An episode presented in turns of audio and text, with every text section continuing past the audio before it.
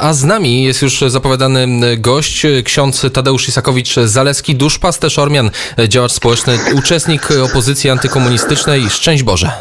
Szczęść Boże, witam wszystkich serdecznie. Od ogłoszenia wyroku Trybunału Konstytucyjnego w wielu polskich miastach pojawiły się protesty. Doszło także podczas ostatnich kilku dni do profanacji i niszczenia kościołów. Wczoraj na antenie Radia Wnet ksiądz Henryk Zieliński, redaktor naczelny tygodnika Idziemy, mówił, że te ataki na kościoły nie są niczym zaskakującym, a wierni duchowni muszą zawsze być przygotowani na prześladowania. No więc moje pytanie, czy tak być musiało? Moim zdaniem te ataki oczywiście są wynikiem pewnej wojny kulturowej, która trwa od kilku pokoleń i która, której celem jest zniszczenie chrześcijaństwa i wywrócenie świata do góry nogami, czy to było w komunizmie, czy w innych systemach totalitarnych. Natomiast e, nie powinno w ogóle dochodzić do tych ataków, bo po pierwsze e, ludzie wierzący są chronieni przez polską konstytucję, prawo i to nie jest ważne, czy to jest kościół katolicki, czy meczet, czy synagoga. To jest wpisane także w nasz kod kulturowy, że miejsce modlitwy, miejsce święte jest chronione przez wszystkich, szczególnie oczywiście przez władze państwowe.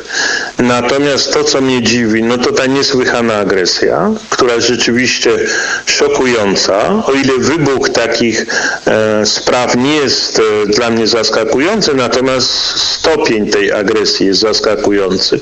Druga sprawa to, co mnie bardzo zabolało jako duchownego, że jednak w tej sprawie, na przykład w Warszawie, brak jest e, stanowiska biskupów tamtejszych, a przecież właśnie Warszawa ma kilka biskupstw. Jest arcybiskupstwo warszawskie, e, biskupstwo warszawsko-praskie, jest katedra polowa, a więc jest tam duchowy opiekun nie tylko wojskowych, ale także tych policjantów, co dzisiaj są też przedmiotem agresji. No jest także jeszcze arcybiskupstwo grecko-katolickie, warszawsko-przemyskie i proszę zauważyć, że nikt z tych księży biskupów jednoznacznie nie zabrał głosu. Powinno być wspólne oświadczenie biskupów Warszawy, które broni tych spraw. Dobrze, że niektórzy księża i świeccy się wypowiadają. A dlaczego, Natomiast... dlaczego ci niektórzy księdza, księża nie wypowiadają się? Dlaczego nie zabierają głosu? Dlaczego nie ma takiego oświadczenia? Jak, jak ksiądz uważa? No myślę, że to jest jednak e, krok do tyłu. To znaczy w takiej chwili próby, jakie są ataki, pasterz no, broni swoich owiec.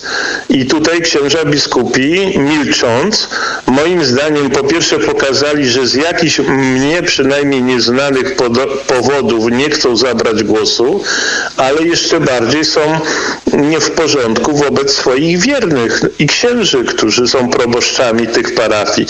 Te kościoły są dewastowane, e, ludzie wierzący są obrzucani inwektywami, wdzierają się e, te bojówki do kościołów e, w wielu zresztą miejscach. Natomiast Warszawa jest chyba zawsze symbolem dla wszystkich katolików, również dlatego, że było powstanie warszawskie, było, by, by Kościół bardzo ucierpiał, w ciągu wieków i myślę, gdzie jak gdzie, w miejscu, gdzie biskupem był prymas tysiąclecia Stefan Wyszyński, nie, nie może zabraknąć głosów biskupów. I myślę, że stało się coś złego. I jeszcze jedną rzecz dodam. No coś, co mnie naprawdę zbulwersowało, to wypowiedź księdza Kazimierza Sowy, który wprawdzie pochodzi z mojej diecezji, czyli krakowskiej, ale jest pod opieką od wielu lat takim parasolem ochronnym pod, y, który roztoczył nad nim ksiądz kardynał Kazimierz Nycz i na swoim profilu facebookowym ksiądz Sowa pisze atakować, czyli dopadniemy cię i tego, co symuluje i tego, co jest gdzieś za ochroniarzami. Można się łatwo domyślić, o jakich polityków mu chodzi i dopadniemy was. No to jest nieprawdopodobne, żeby duchowny um, podległy Kazimierzowi Nyczowi potrafił tak skandaliczne rzeczy publikować, a kardynał milczy. No to tak być nie może. Ja myślę, że tutaj um, jeżeli nie ma dojść do jakiegoś konfliktu jeszcze wobec, w obrębie ludzi wierzących, no to, no to musi być reakcja e, episkopatu. Ja już nie chcę się tutaj czepiać, ale przecież każdy kardynał to jest książę Kościoła. To jest człowiek, który, któremu ufa w szczególny sposób papież. No i nagle milczenie i, i również milczenie wobec tak skandalicznego nawoływania do przemocy ze strony jednego z duchownych. Zachowanie duchownych na pewno, tak jak powiedział ksiądz, jest bardzo e, ważne, ale też porozmawiajmy jeszcze raz o e, zachowaniu tych e, protestujących, tych profanujących. Ksiądz był uczestnikiem opozycji antykomunistycznej i wielokrotnie represjonowany za swoje postawy. Czy ksiądz pamięta, aby w PRL-u dochodziło do tego przełamania, gdzie, gdzie w, w, dochodziło do wtargnięć do kościołów i dewastacji? Czy z czymś takim mieliśmy w ogóle kiedykolwiek miejsce? Do, tak, wtargnięć do kościołów dochodziło ze strony ZOMO czy ORMO, choćby w czasie wydarzeń marcowych w 1968 roku do kościoła na krakowskim przedmieściu, gdzie jest Chrystus niesiący krzyż, wdarło, zdarła się e, policja, milicja, która biła pałkami studentów, a studenci chronili się w kościele. Ale trzeba też powiedzieć, że jednak e, w latach 80 80., mimo tych straszliwych represji, nawet komuniści szanowali kościoły. Oczywiście była inwigilacja, prowokacje najróżniejsze, różne podrzucanie jakichś fałszywych ulotek, próby jakichś tam nawet wrzucenia petardy i tak dalej. Było to. Natomiast oficjalnie nie było tak, żeby ktoś się wzdzierał do kościoła w czasie mszy świętej i powiedział wynosić się, albo jeszcze bardziej brutalnie, i mówił, że my teraz tu będziemy hasła komunistyczne e, głosili. Tak się działo tylko w Związku e, Radzieckim. Natomiast na czym polegała siła Solidarności, przechodząc do samych protestów, to była zasada nieużywania przemocy która nawet została w pewien sposób e, wyciągnięta nie tylko z chrześcijaństwa, co mówił ksiądz Jerzy Popiełuszko, zło dobrem zwycięże, ale także choćby postawa innych wielkich autorytetów moralnych, światowych, na przykład Gandhi, który walcząc o niepodległość dla Indii nigdy nie stosował przemocy. I myślę, że całkiem inaczej by zostały odebrane te protesty, bo każdy ma prawo protestować, każdy ma prawo manifestować, gdyby jednak było poszanowanie dla prawa. A moim zdaniem ta agresja to jest strzał we własną stopę, jeżeli chodzi o, o protestujących, bo oni w ten sposób się pokazują no, jako, no nie chcę używać ostrych słów, no, jako ludzie kompletnie nieodpowiedzialni, którzy mogą uderzyć każdego, zabić, rozlać krew, tylko dlatego, żeby w imię swoich wartości inni musieli się im podporządkować. No tak się w kraju demokratycznym e, nie powinno dziać na początku XXI wieku. W kraju demokratycznym powinno się e, rozmawiać, e, powinno się wymieniać poglądami, pogląd na temat takiego tak zwanego kompromisu aborcyjnego. Ksiądz od lat mówił, że ten kompromis, tak zwany kompromis aborcyjny, nikogo dotąd nie zadowalał. Tak, oczywiście nikogo i to było wiadomo, że wcześniej czy później to wybuchnie. Ja, ja mogę powiedzieć tak, co proszę tylko zrozumieć moje doświadczenie życiowe. I generalnie uważam, że największą zbrodnią jest dopuszczanie do e, to się ładnie mówi przerywanie ciąży. Nie, zabijania niepełnosprawnych zespołem Downa.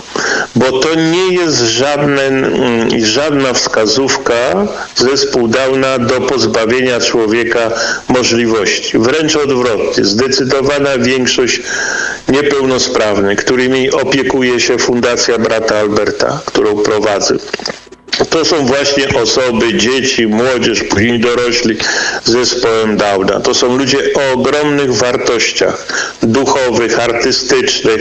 Nawet jak nie potrafią się dobrze nauczyć pisać i czytać, potrafią w bardzo piękny sposób realizować swoje człowieczeństwo. Są bardzo empatyczni, radośni, pogodni. Oczywiście wiąże się to z wieloma trudnościami. Kłopotami, zwłaszcza dla rodziców. Wielu rodziców to dla mnie są ludzie święci, że opiekują się e, przez tyle lat, towarzyszą swojemu niepełnosprawnemu dziecku. No więc mówienie, że można zabijać e, dzieci z zespołem Downa, nigdy się z tym nie pogodzę. E, I uważam, że wartości chrześcijańskie, każde życie jest ważne, natomiast już sprawą dyskusji prawników, polityków jest to, jak ograniczyć e, to, e, to zabijanie. Znaczy, żeby już na pewno nie było e, zabójstw dzieci z zespołem Downa. A dalsze kroki, no to jest kwestia dyskusji. To się powinno urodzić w jakimś dyskursie, ale społecznym, a nie to, że politycy podpalają, jak to robi lewica i używa tego do, do obalenia rządu, do przejęcia władzy. Tym ludziom nie chodzi o żadne dobro kobiet, tylko chodzi o przejęcie władzy. No i też się dziwię, że niektórzy tak łatwo temu ulegają. No, ale to tak społeczeństwo. Czy dziwi, się, czy dziwi się ksiądz, że właśnie w tym momencie, w momencie tylu zachorowań, w momencie tych obostrzeń pojawił się właśnie taki wyrok Trybunału Konstytucyjnego? I czy byłby ja w ogóle nie, kiedykolwiek nie dobry moment Ja się nie chcę wypowiedzieć na temat Trybunału, bo kwestia, jest tyle konfliktów wobec Trybunału, że było wiadomo, że cokolwiek Trybunał uchwali, to jest tylko podpalenie tej sprawy, bo moim zdaniem no jednak e, duża część społeczeństwa Trybunału jako takiego nie, nie uznaje. Ja uważałem, że należy szukać porozumienia. Nie używam słowa kompromis właśnie bo zawsze kompromis to jest krzywda dla jakiejś strony. Porozumienia takiego ponad podziałami w duchu najlepszy, najlepiej zrozumianego humanizmu, wartości ogólnoludzkich, jak to ktoś będzie nazywał, to jest jego sprawa. Żeby ochronić dzieci z zespołem Downa, żeby ochronić też jeszcze większe grupy e, dzieci poczętych. I myślałem, że to pójdzie takimi krokami, tak, że jednak dojdzie do jakiegoś konsensusu.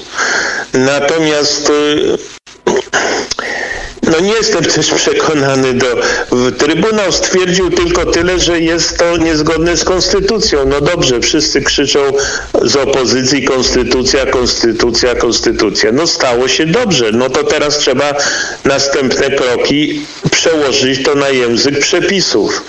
Natomiast tutaj nie ma żadnego przełożenia na język przepisów, tylko jest agresja. No, do czego jest agresja? Do stwierdzenia, że Trybunał powiedział to, co jest zgodne z tą konstytucją. No to też jest taka już aberracja, jeżeli chodzi o te rzeczy. Natomiast y, myślę, że na to nałożyły się też inne czynniki, no inna pandemia, ogromne y, takie depresja społeczna, ogólna, zniechęcenie, y, też nerwowość z powodu tych wszystkich wydarzeń i to ktoś umiejętnie, znaczy ktoś, ja wiem kto, lewica i inne tego typu rzeczy, e, środowiska to korzystały, żeby podpalić i świetnie będzie agresja, będzie młodzież atakować i oni stoją za ich plecami. Tak? I, tu I to posta- jest w tym wszystkim najgorsze. I tu postawimy kropkę. Ksiądz Tadeusz Isakowicz-Zaleski, duszpasterz Ormian, działacz społeczny, był gościem popołudnia w, w net. Dziękuję serdecznie. Dziękuję, szczęść Boże. Szczęść Boże.